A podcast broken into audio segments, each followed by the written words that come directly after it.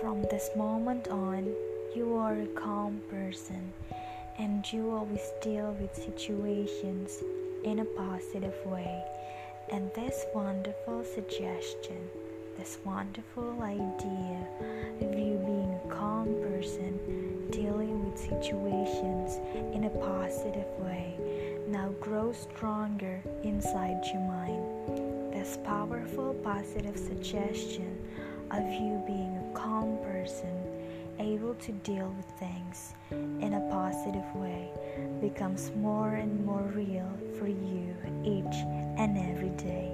And that's not because I say so, but simply because this suggestion is the wonderful positive idea that you want in your life, and because it's the suggestion and the wonderful positive idea that you want in your life.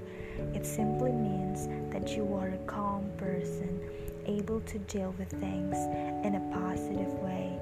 In fact, from this moment on, those things that may trouble you, those things that may have created unnecessary stresses or anxieties or tensions in your life, those things now no longer seems to affect you in quite the same way.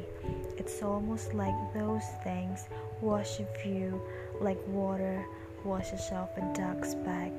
You are a calm person and you are a completely relaxed person each and every day and able to deal with things regardless of what those things are in a calm, positive, relaxed way.